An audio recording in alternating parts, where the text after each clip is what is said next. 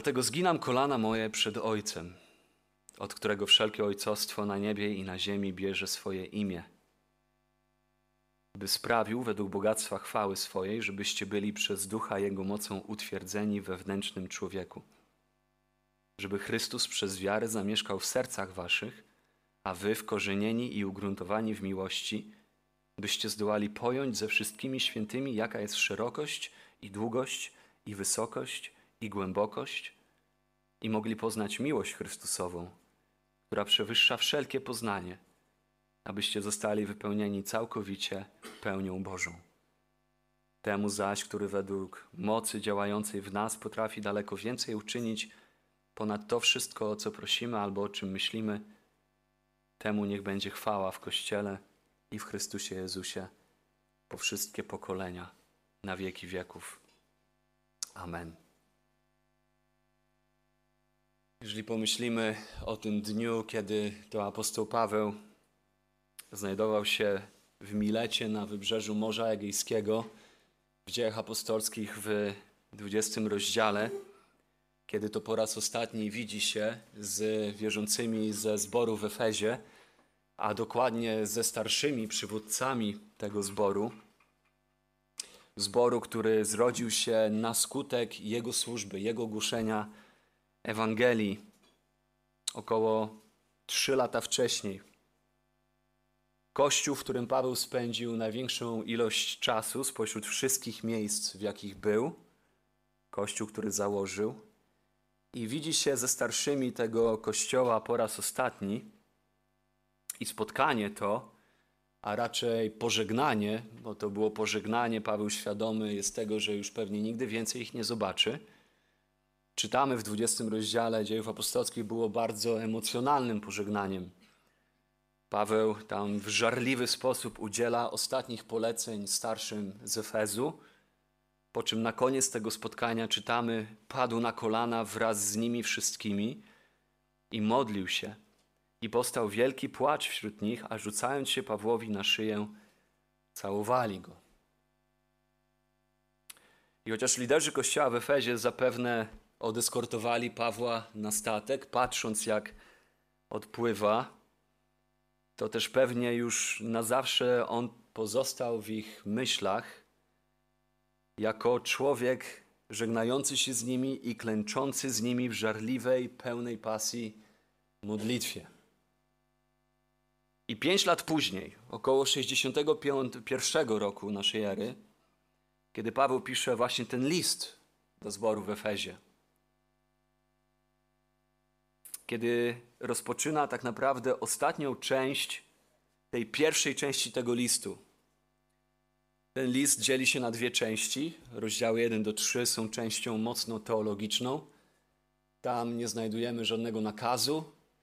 Wszystko, co zawiera się w pierwszych trzech rozdziałach, to są po prostu prawdy oznajmujące nam to, co jest prawdziwe w Chrystusie dla tych, którzy są Chrystusa którzy należą do Boga przez Chrystusa. I pierwsze trzy rozdziały ukazują bogactwo tego wszystkiego, czym ubłogosławił nas Bóg w Chrystusie jako wierzących. Druga część tego listu, rozdziały 4, 5, 6, są częścią praktyczną, która mówi o tym, jak w świetle tego, co wiemy, że jest prawdziwe, powinniśmy postępować, jak żyć. Powinniśmy być inni. Jak pamiętacie kazanie brata Martina, który był tutaj parę tygodni temu, także z Efezjan. Powinniśmy być inni w reakcji na to wszystko, czym obdarował nas Bóg w Chrystusie.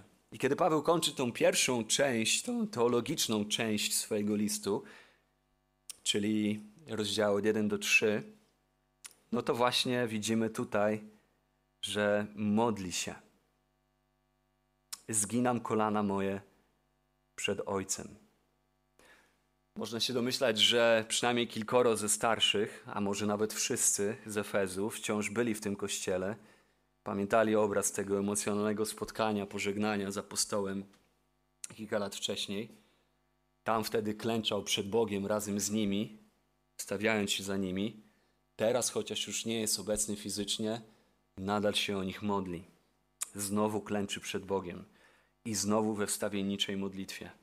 Duchowo zaangażowany w duchowy bój na kolanach przed Bogiem o ich życie, o ich duszę.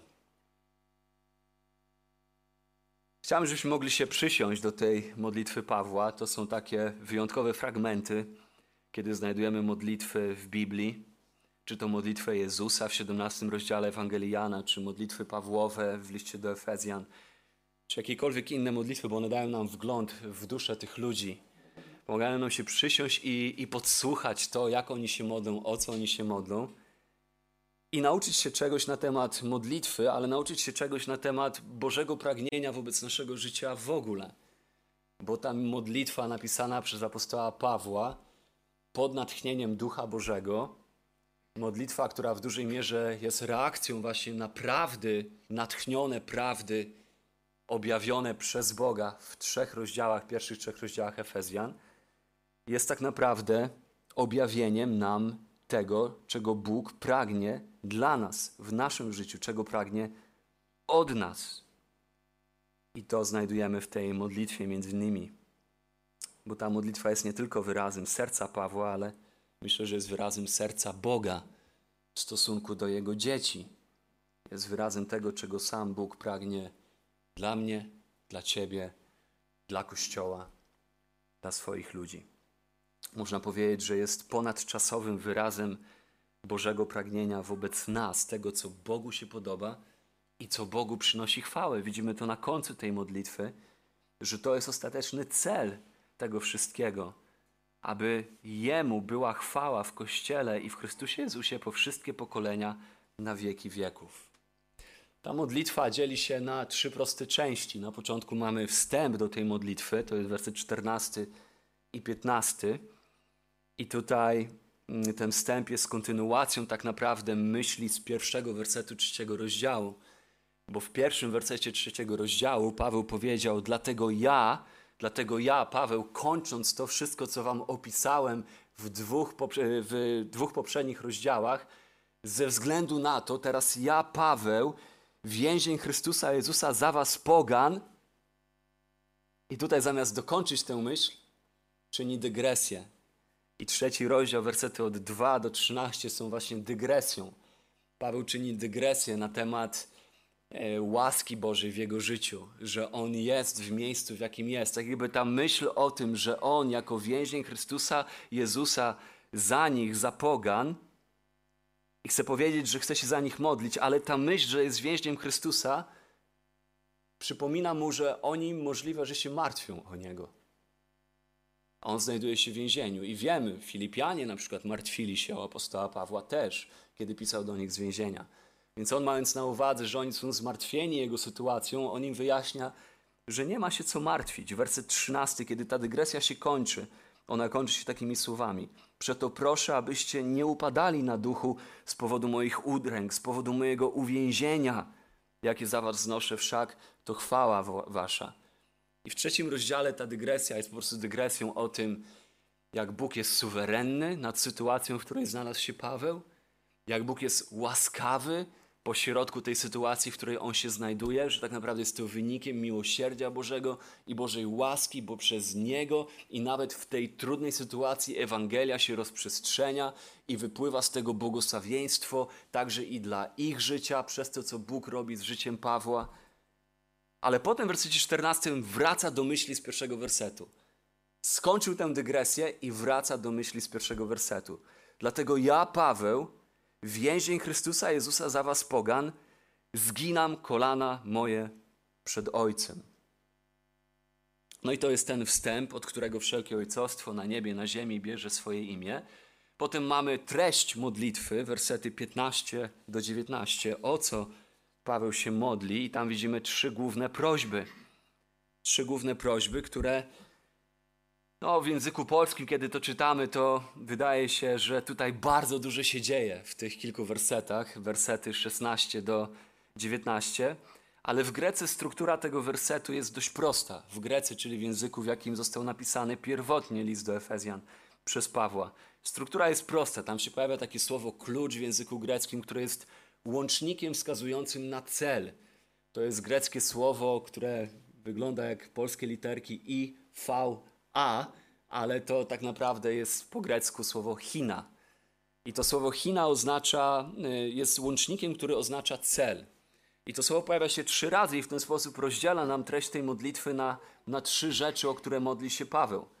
Pierwsza rzecz, o jaką się modli, to są wersety 16-17. To jest modlitwa o utwierdzenie, o umocnienie, modlitwa o moc. I tam jest pierwszy raz się pojawia to słowo, żeby Bóg sprawił utwierdzenie, umocnienie wewnątrz nich, żeby oni wewnętrznie byli umocnieni przez Boga. Drugą modlitwą Pawła są wersety 18-19. Tam drugi raz się pojawia ten łącznik określający cel. I drugą modlitwą Pawła jest modlitwa o miłość, a nawet bardziej konkretnie o ich doświadczenie miłości, żebyście zdołali pojąć niepojętą miłość Chrystusową. I trzecią modlitwą Pawła jest werset 19, druga część tego wersetu, gdzie po raz trzeci się pojawia ten łącznik, a mianowicie, żebyście zostali w pełni wypełnieni pełnią Bożą. Tak w oryginale brzmi ten fragment, żebyście w pełni byli wypełnieni pełnią Bożą. I to jest modlitwa o pełnię, o pełnię, albo nawet inaczej o dojrzałość, o pełnię, o obfitość, dojrzałość. Więc mamy trzy modlitwy o utwierdzenie, umocnienie, o doświadczenie miłości i o pełnię. I potem mamy zakończenie. Mamy zakończenie, wersety 20 i 21. Zakończenie, które poniekąd jest uzupełnieniem wstępu, bo we wstępie Paweł mówi, że zgina kolana swoje przed Ojcem. A w wersecie 20 i 21 wyjaśnia głębiej, kim jest ten, przed którym on zgina kolana. Kim jest ten Ojciec, kim jest ten Bóg, przed którym on klęka, do którego on woła. I widzimy w wersecie 20, że to jest ten, który ma moc czynić rzeczy wielkie i wspaniałe dla tych, którzy do niego wołają który jest w stanie czynić nawet ponad to wszystko, o co oni wołają i o czym myślą. I oczywiście określa też w tym zakończeniu ostateczny cel. Ostatecznym celem jest nawet nie to, żeby tylko oni byli umocnieni, nie tylko to, żeby oni doświadczyli pełni miłości i nie to, żeby oni doświadczyli pełni w ogóle, ale ostatecznym celem jest, aby Bóg był uwielbiony w życiu Efezjan i w przyszłych pokoleniach. Więc poniekąd struktura tej modlitwy odpowiada na takie pytania, jak między innymi, z jaką postawą się modlić, z jaką postawą należy przychodzić do Boga, o co się modlić, co przynosić Bogu w modlitwach, czego pragnąć przede wszystkim dla swojego życia i dla życia innych i kim jest ten, do którego się modlimy. jakie to ma znaczenie. Więc spójrzmy najpierw na ten wstęp, bo ten sam wstęp już jest obfitujący w znaczenie.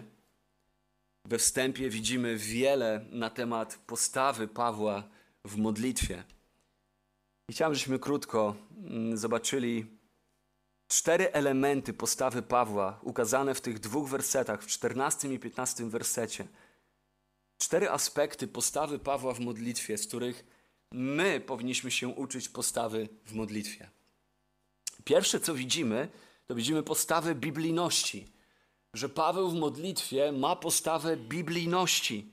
Paweł modli się w świetle prawd, które właśnie im wykładał przez dwa rozdziały. Dlatego ta modlitwa zaczyna się słowami dlatego. Dlatego. Dlaczego Pawle? No, dlatego. Dlatego, ze względu na to, co wszystko Wam napisałem, ze względu na to, co jest prawdziwe z powodu Chrystusa i w Chrystusie, z powodu tych prawd, ja zwracam się teraz do Boga w modlitwie. Chcę myśleć o tych prawdach, które są prawdziwe z powodu Chrystusa, i myśląc o tych rzeczach, które są prawdziwe, chcę się teraz modlić zgodnie z nimi. Chcę, żeby te rzeczy, te prawdziwe rzeczy, które Wam wykładałem przez dwa rozdziały, żeby one były teraz zaaplikowane przeze mnie w modlitwie. Żeby moja modlitwa w pewien sposób wypływała z tych prawd, które ja właśnie Wam przekazywałem. I widzimy postawę biblijności w modlitwie, jak ważna ona jest. Modlitwa, która płynie ze zrozumienia Bożych prawd, a nie modlitwa, która jest podyktowana tylko intuicją człowieka, który po prostu chce się modlić. Modlitwa, która jest podyktowana zrozumieniem prawd Bożych, a nie podyktowana spekulowaniem, a nie podyktowana jedynie odczuciami. Modlitwa powinna iść w parze ze słowem, a słowo powinno iść w parze z modlitwą. Jak Charlesa Spurgeona ktoś kiedyś zapytał, co jest ważniejsze, modlitwa czy słowo? A on zapytał, no cóż, co jest ważniejsze, wdech czy wydech? Obie rzeczy są równie istotne i obie powinny siebie zasilać, działają wspólnie. Istotą modlitwy, czy cnotą modlitwy, nie jest tylko serce, które modli się szczerze, ale serce, które modli się biblijnie, które rozumie, czym jest wola Boża, czego Bóg pragnie dla życia swoich ludzi. Jeżeli słuchasz słowa, ale nie rozmyślasz nad nim w duchu modlitwy, to możesz się spodziewać, że Twoje serce będzie prawdopodobnie stawać się nieczułym i oziębłym. Słuchanie słowa musi prowadzić do modlitwy. Rozmyślanie nad słowem w duchu modlitwy jest istotne, żebyśmy nie stali się przypadkiem jedynie zimnymi intelektualistami, którzy uprawiają teoretyczną teologię, podczas gdy nasze serca leżą ugorem. Nasze serca są zimne. Jeżeli modlisz się, ale nie czynisz tego w oparciu o to, czego uczy Ciebie Bóg na temat tego, jak do Niego przychodzić, z czym do Niego przychodzić, o co w życiu zabiegać, jak o to zabiegać, jak się do Boga zwracać, to Twoje serce będzie stawać się coraz bardziej skupione na Tobie. Będzie bardziej scentralizowane na odczuwanych przez Ciebie potrzebach, aniżeli na Bogu. Twoje serce będzie bardziej skupiać się na Twoim sercu, aniżeli na Bogu, który ma to serce kształtować, aniżeli na Nim i Jego chwale i Jego woli. Modlenie się, które nie jest nasycone prawdami, które są objawione w Słowie, oczywiście może uczynić serce gorącym, ale gorącym dla Boga, którego niestety może sobie ukształtować według własnego uzdania, aniżeli Boga, który jest ukazany nam w Jego Słowie. Modlitwa, musimy uczyć się modlitwy, która jest biblijna, która jest reakcją na objawione przez Boga prawdy w Jego Słowie. Każda wiedza, każde poznanie powinno prowadzić do modlitwy, która zanosi to poznanie, te poznane prawdy do serca, ale też każda modlitwa powinna wypływać z poznania, które kieruje serce do prawdy, a nie które po prostu wylewa swoje serce. Tak jakby najważniejszą cechą modlitwy było mówienie wszystkiego, co ślina przynosi na język. Więc jeszcze raz, każda wiedza, każde poznanie powinno prowadzić do modlitwy, która zanosi poznawane prawdy do serca, ale tak samo każda modlitwa powinna wypływać z poznania, które kieruje serce do prawdy. To dlatego na przykład tutaj, jak często osoby, które odwiedzają nasz zbór, zauważają, kiedy my spotykamy się na nabożeństwie, na tym wyjątkowym publicznym czasie zgromadzenia Kościoła, gdzie jest nas najwięcej, modlą się wybrani bracia. Nie, nie modlimy się wszyscy, na to jest czas w innych miejscach, w tygodniu, w grupach domowych, biblijnych.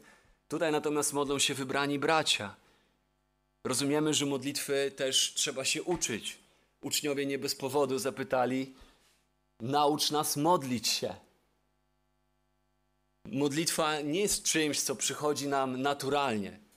Dobra modlitwa tym bardziej nie jest czymś, co przychodzi nam naturalnie. Dobrej, właściwej, biblijnej modlitwy trzeba się uczyć.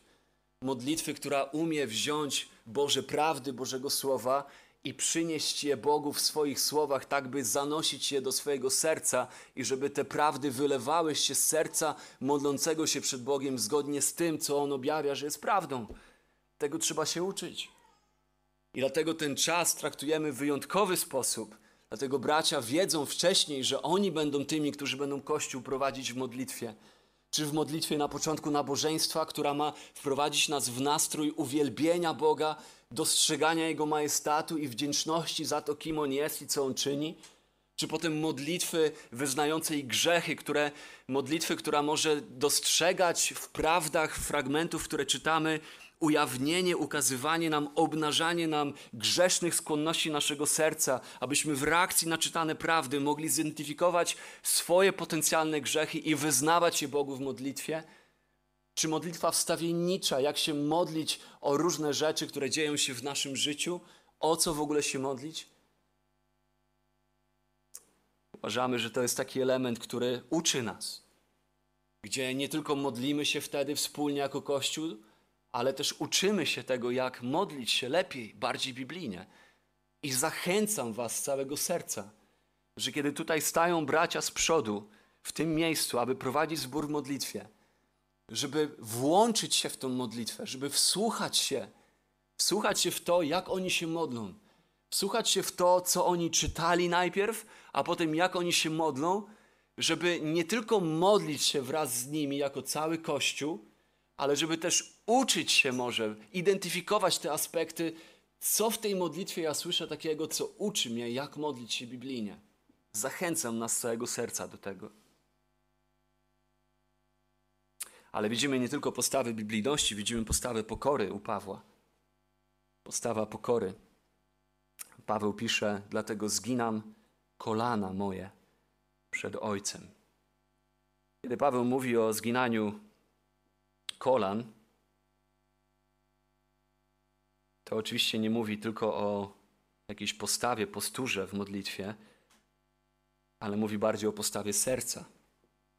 Zwyczajem w kulturze żydowskiej, greckiej i rzymskiej było to, by w modlitwie raczej stać, aniżeli klęczeć. Klękanie w Biblii zazwyczaj wyraża dwie rzeczy. Kiedy spojrzymy na fragmenty, w których ono się pojawia, zazwyczaj wyraża pokorę i wyraża żarliwość. Najpierw spójrzmy na pokorę. Klękanie w Bożym Słowie oznacza postawę uniżenia, postawę poddania, postawę rozpoznania, że jest się w obecności kogoś ważnego, kogoś wielkiego, kogoś wobec kogo mam szacunek, kogo darzy bojaźnią, czcią. Dlatego na przykład w pierwszej Kronik 29:20 czytamy, że lud padł i oddał pokłon Panu, królowi. To jest to, co było naturalne. Złożenie pokłonu przed królem, przed kimś, kto jest Panem. Klękanie Pawła przed Bogiem, wydaje mi się, że ukazuje też tutaj ducha Psalmu 95.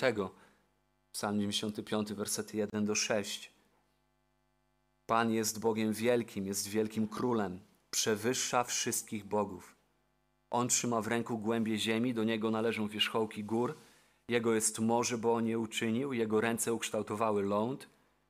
Podejdźcie, pokłońmy się, oddajmy mu hołd, uklęknijmy przed Panem naszym Stwórcą, gdyż On jest naszym Bogiem, my ludem z Jego pastwisk. To jest postawa pokory, postawa, która rozpoznaje wielkość Boga która rozpoznaje wyższość Boga. I Paweł, rozmyślając nad wspaniałą łaską Bożą, którą opisywał przez dwa rozdziały tego listu, zwraca się do Boga w pokorze i uniżeniu, a nie w zuchwałości. Oto Bóg, który nas wybrał. Oto Bóg, który nas usynowił. Bóg, który nas odkupił. Bóg, który przebaczył. Bóg, który ożywił Syn, który za nas umarł, Duch, który nas zapieczętował, Bóg, który przeniósł ze śmierci do żywota, posadził w okręgach niebieskich, uczynił częścią swojego ludu. I Paweł mówi, dlatego padam przed nim w poddaniu, w pokorze, uniżeniu. Rozpoznaję boskość w Bogu. I od razu widzimy, że łaska Boża dla Pawła kiedy on przywodzi na myśl łaskę Bożą ukazaną wierzącym w Chrystusie, dla Pawła łaska Boża nie jest przyzwoleniem do zuchwałości, ale jest powodem do uwielbienia, do oddawania czci Bogu.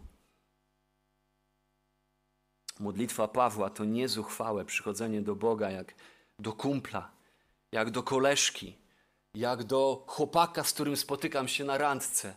Dzisiaj można taki język spotkać wśród chrześcijan, w książkach, które są pisane.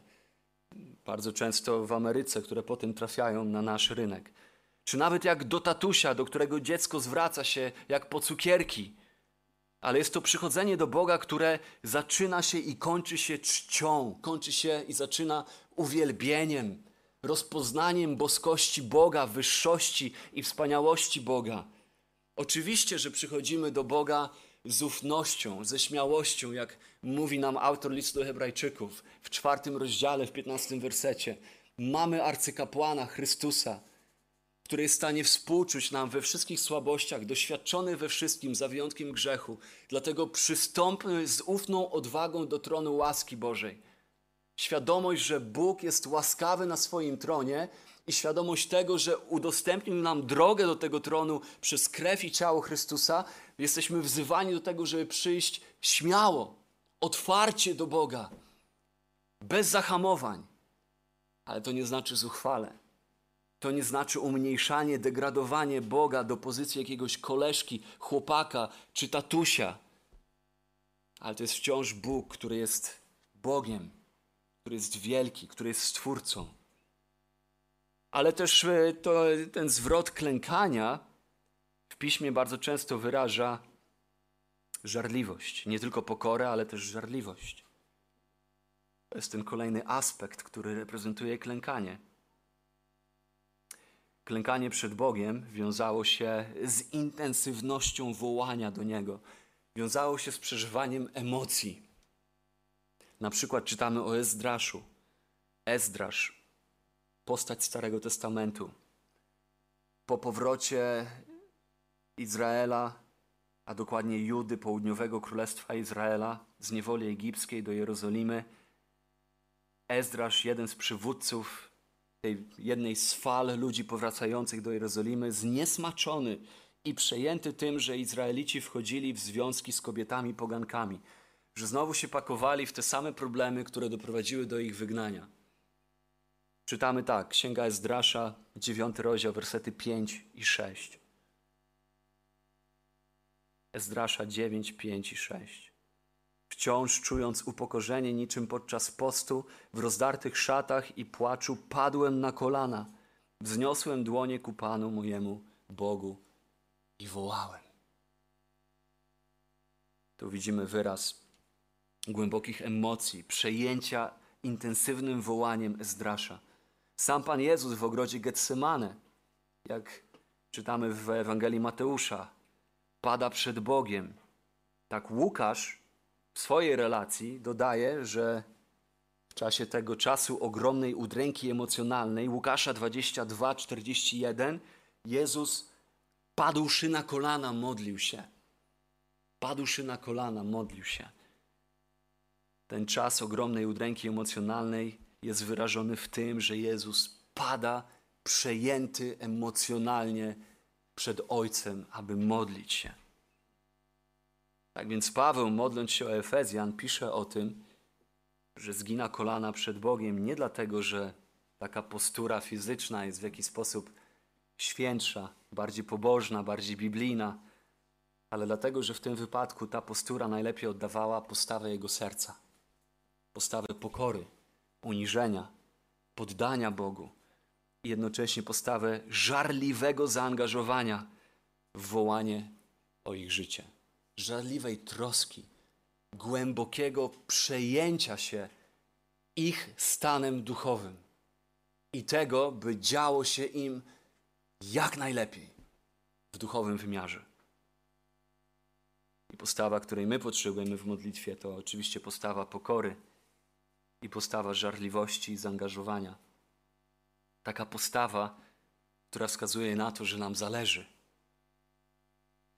nie postawa obojętności czy zimnej rutyny. Postawa modlitwy, której uczymy się od Pawła, to postawa, która nie traktuje modlitwy jak odczytu faktury za prąd, czy też recytowania definicji matematycznych. Ale postawa modlitwy, która rozumie, że jest walką o życie innych. Jest sposobem na toczenie duchowego boju. I widzimy dalej postawę ufności. Widzimy postawę ufności. Widzimy postawę biblijności w modlitwie, pokory, żarliwości i ufności. Dlatego zginam kolana moje przed Ojcem, od którego wszelkie ojcostwo na niebie i na ziemi bierze swoje imię. Zginam kolana moje przed Ojcem. Sam fakt, że on w modlitwie nazywa Boga Ojcem, wskazuje na coś, co się wiąże z jego ufnością. Ufnością w co? Ufnością w dzieło tego, który w ogóle umożliwił to, że człowiek może stanąć przed Bogiem Stwórcą i zwracać się do Niego Ojcze.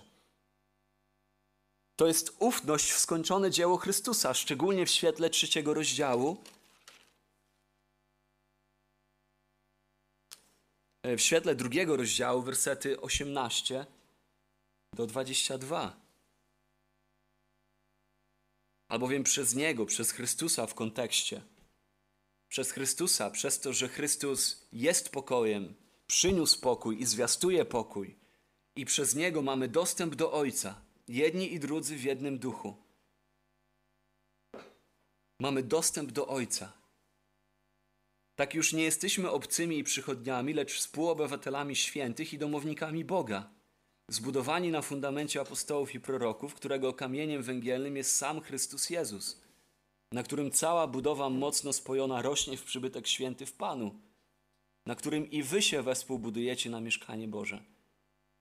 Więc skoro przez Chrystusa mamy dostęp do Boga jako do Ojca, my i wy, jedni i drudzy w jednym duchu, także już nie jesteśmy obcy i dalecy od Boga, lecz jesteśmy współobywatelami świętych i domownikami Boga. Jesteśmy w rodzinie Boga. Werset pierwszy trzeciego rozdziału. Dlatego ja, Paweł, zginam kolana moje przed Ojcem.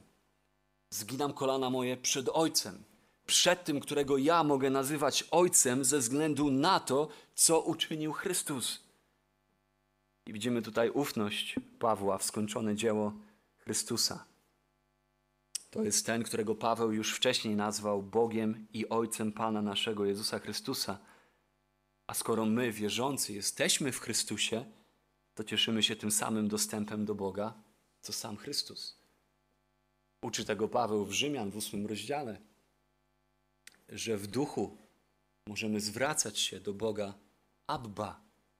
Abba to jest to, jak odwieczny, jednorodzony Syn Boży zwracał się do Ojca zawsze.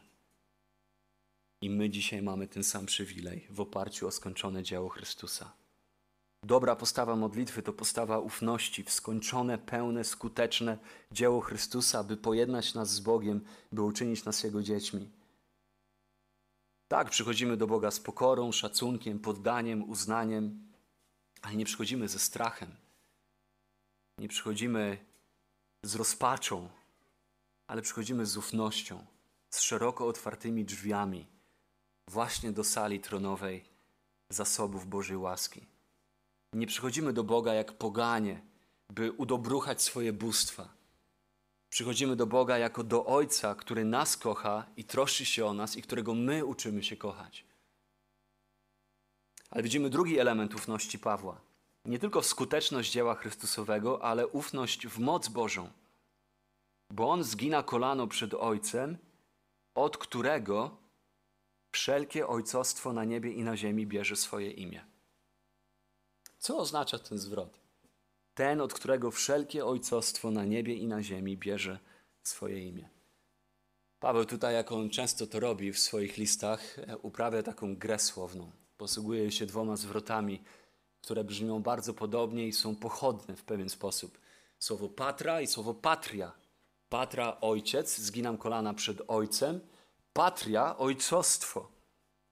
Ojcostwo, które bierze swoje imię od Niego. To słowo patria tak naprawdę nie oznacza ojcostwo w Grece. To słowo patria oznacza rodzinę, oznacza ród, oznacza klan. I tak też wiele przykładów nie używa słowa ojcostwo w tym fragmencie. Może niektórzy z Was macie dzisiaj inny przekład przed sobą. I możemy czytać tak, na przykład w Biblii Gdańskiej, z którego się wszelka rodzina na niebie i na ziemi nazywa. Biblia Poznańska. Przeto zginam kolana przed Ojcem, od którego wywodzi swoją nazwę wszelki ród w niebie i na ziemi. Skąd tłumacz wziął pomysł na to właśnie? No właśnie stąd, że leksykalnym znaczeniem tego słowa patria jest ród, klan, rodzina, nie ojcostwo. Biblia Tysiąclecia, od którego bierze nazwę wszelki ród na niebie i na ziemi. I uspółcześniona Biblia Gdańska, od którego cała rodzina na niebie i na ziemi bierze swoją nazwę. Więc Paweł nie ma na myśli tutaj, że Bóg jest duchowym ojcem każdej istoty ludzkiej, że wszyscy, którzy żyją pod niebem, na ziemi, są dziećmi Bożymi, a On jest ich ojcem.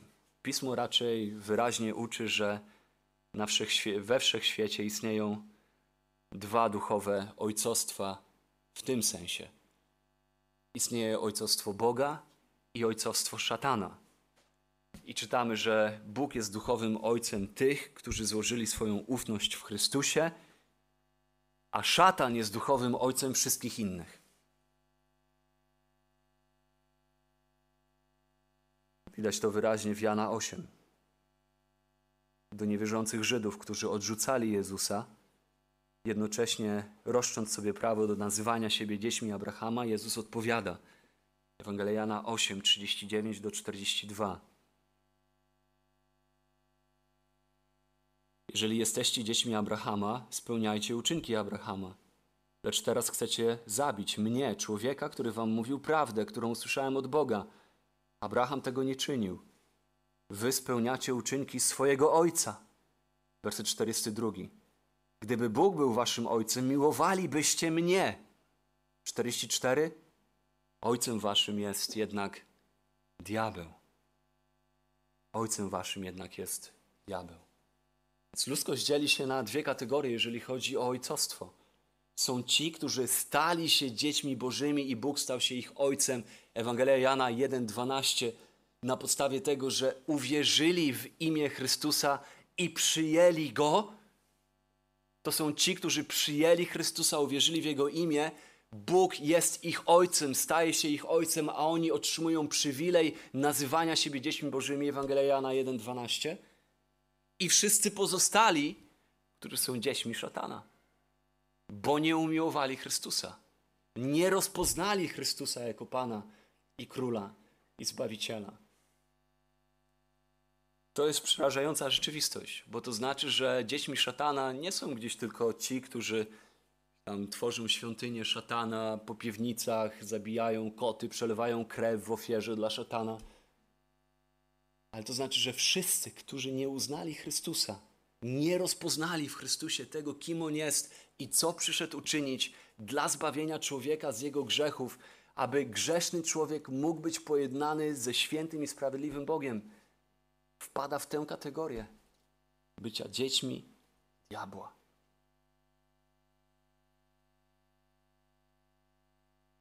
Ale ci, którzy uwierzyli i przyjęli Go, mają prawo stać się dziećmi Bożymi. Więc Paweł nie mówi o ojcostwie Boga nad całym stworzeniem. Nie może o tym mówić. Raczej mówi o tym, że zgina kolana przed Ojcem, który nie jest byle kim, ale jest tym, od którego wszelki ród, wszelka rodzina, wszelki klan, wszelka grupa istot na niebie i na ziemi otrzymuje swoje imię. Co to znaczy, że wszystkie zgrupowania istot na Ziemi, że wszystkie kategorie, wszystkie grupy, wszystkie rody, wszystkie klany, wszystkie kategorie istot stworzonych na niebie i na Ziemi otrzymują od Niego swoje imię? Co to znaczy? Myślę, że Psalm 145 tutaj rzuca duże światło. Psalm 145 od pierwszego wersetu do siódmego. Aleluja! O jak to dobrze grać naszemu Bogu, jakie to wspaniałe! Piękna jest pieśń chwały. Pan odbudowuje Jerozolimę, gromadzi rozproszonych z Izraela. Jest lekarzem złamanych serc. Jest tym, który opatruje ludzkie rany. On wyznacza liczbę gwiazd, wszystkim nadaje imiona. Wielki jest nasz Pan i potężny w swej mocy, a Jego mądrość jest niezgłębiona. Pan wywyższa pokornych, bezbożnych poniża aż do ziemi. Śpiewajcie Panu z wdzięcznością, grajcie naszemu Bogu na cytrze. Kiedy Pismo mówi o Bogu nadającym imiona, to mówi o Bogu, który jest Stwórcą i Panem stworzenia. To jest ten. Pamiętacie, kiedy Bóg stworzył Adama, postawił go w ogrodzie, przyprowadził do niego zwierzęta? Jakie dał mu polecenie? Aby nazwał je.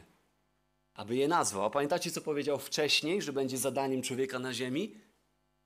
Będzie panować nad ziemią. Nadawanie imion jest elementem panowania. Bóg, Paweł wyraża w swojej modlitwie, w tym jak zwraca się do Ojca, od którego wszelkie ojcostwo e, na niebie i na ziemi ma swoje imię, to mówi o Bogu, który panuje nad całym stworzeniem. To jest ten, który jest panującym Bogiem, który ma autorytet i władzę nad wszystkim i wszystkimi. I to uwzględnia moce ziemskie, i to uwzględnia moce niebiańskie, nieziemskie. Dlatego, że wszystko bierze swoje imię od Niego, od Boga. Bóg, który stworzył każdą grupę istot, grupy społeczne na ziemi, grupy w okręgach niebieskich, jest tym, do którego Paweł zwraca się w modlitwie. Ten Bóg. Bóg, który jest ostatecznym Panem. Bóg, który jest ostatecznym władcą, suwerenem, do którego należy ostateczna moc. To jest postawa ufności. Ufności nie tylko w skończone dzieło Chrystusa, ale ufności w kompetencje tego, do którego on się zwraca. Ufności w jego moc i panowanie. Postawa modlitwy Pawła jest więc nie tylko postawą ufności w to, co zrobił Chrystus, ale w to, co Bóg jest w stanie zrobić dla niego i robić dla niego na bieżąco, jako do tego, który się do niego zwraca. Dlatego pięć wersetów niżej Paweł wróci do tej myśli, rozwinie tę myśl, wołając w wersecie 20 Efezjan 3:20. Temu zaś, który według mocy działającej w nas potrafi daleko więcej uczynić ponad to wszystko, o co prosimy albo o czym myślimy. To jest ten, do którego woła Paweł, jako do Ojca, który jest nie, nie jedynie Ojcem kochającym i troskliwym, ale Ojcem zdolnym, Ojcem potężnym, który ma wszelką władzę i autorytet nad swoim stworzeniem i który ma moc, która jest w stanie zdziałać wiele więcej ponad to wszystko, o co prosimy albo o czym myślimy. Z jaką postawą się modlić? Z postawą biblijności. Postawą modlitwy, która kieruje swą uwagę do prawd objawionych przez Boga w Jego Słowie, która próbuje być nasączona, postawa, która próbuje być nasączona tym, co Bóg mówi, że jest prawdziwe, że jest ważne, że jest istotne, że Jemu się podoba, że Jego jest wolą, że On tego pragnie. Z postawą pokory, postawą pokory, nie zuchwałości, ale pokory, rozpoznania, przed kim stajemy, że stajemy przed Bogiem, Ojcem, nie koleżką, nie tatusiem, ale Ojcem. Postawa żarliwości, postawa zaangażowania serca, przejęcia tym, że toczy się bój. Toczy się bój o moje życie, o życie ludzi dookoła mnie, życie wierzących, życie tych, którzy giną bez poznania Ewangelii. I to powinno prowadzić do przejęcia, do przejęcia, do pochwycenia serca żarliwością i w żarliwości stawania przed Bogiem, nie w oziębłości i z ufnością. Z ufnością w skończone dzieło Chrystusa, że w oparciu o to, co zrobił Chrystus, ja mogę stawać przed Bogiem bez względu na to, jaki mam dzień. Czy mam zły dzień, czy mam dobry dzień, nic się nie zmienia. Bo to nie ja wspinam się do nieba w oparciu o własne wysiłki, ale przesłaniem Ewangelii Chrystusa jest to, że niebo stępuje na dół, stępuje do mnie w osobie Chrystusa, bo ja bym nigdy nie był w stanie wspiąć się i zasłużyć sobie na to, by nazywać Boga Ojcem. Ale niebo stępuje do mnie w skończonym dziele Chrystusa abym ja, usprawiedliwiony Jego doskonałą sprawiedliwością, mógł być Jego dzieckiem w oparciu o to, co zrobił dla mnie Chrystus. I ufności w Jego moc, że kiedy przychodzimy do Niego, wołać do Niego o to, co biblijne, o to, co On objawił, że jest Jego wolą, wołamy z pokorą, z uniżeniem w rozpoznaniu tego, kim On jest, z ufnością w skończone dzieło Boże, to wołamy do tego, który ma moc i ma pragnienie czynić w naszym życiu to wszystko, o co prosimy, a nawet ponad to, aby działać w nas. Działać w nas w tych trzech rzeczach, które następnie modli się Paweł, na które już dzisiaj nie spojrzymy. Aby działać w nas po to, by nas utwierdzać, umacniać, stabilizować nas duchowo, aby dawać nam doświadczenie Jego miłości, abyśmy mogli być pochwyceni głębią, szerokością, wysokością i długością Jego miłości i abyśmy mogli doświadczać pełni, doświadczać pełni Chrystusowej. Jak on napisze dalej, Paweł,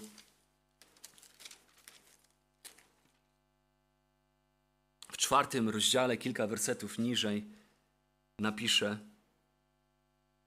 abyśmy dochodzili do jedności wiary i poznania Syna Bożego, do męskiej doskonałości, to jest to słowo, pełnia. I dorośniemy do wymiarów znowu pełni Chrystusowej. Żebyśmy już nie byli dziećmi miotanymi, unoszonymi lada wiatrem nauki przez oszustwo ludzkie, przez postęp prowadzący na bezdroża, lecz byśmy, będąc szczerymi w miłości, wzrastali pod każdym względem w Niego, który jest głową w Chrystusa.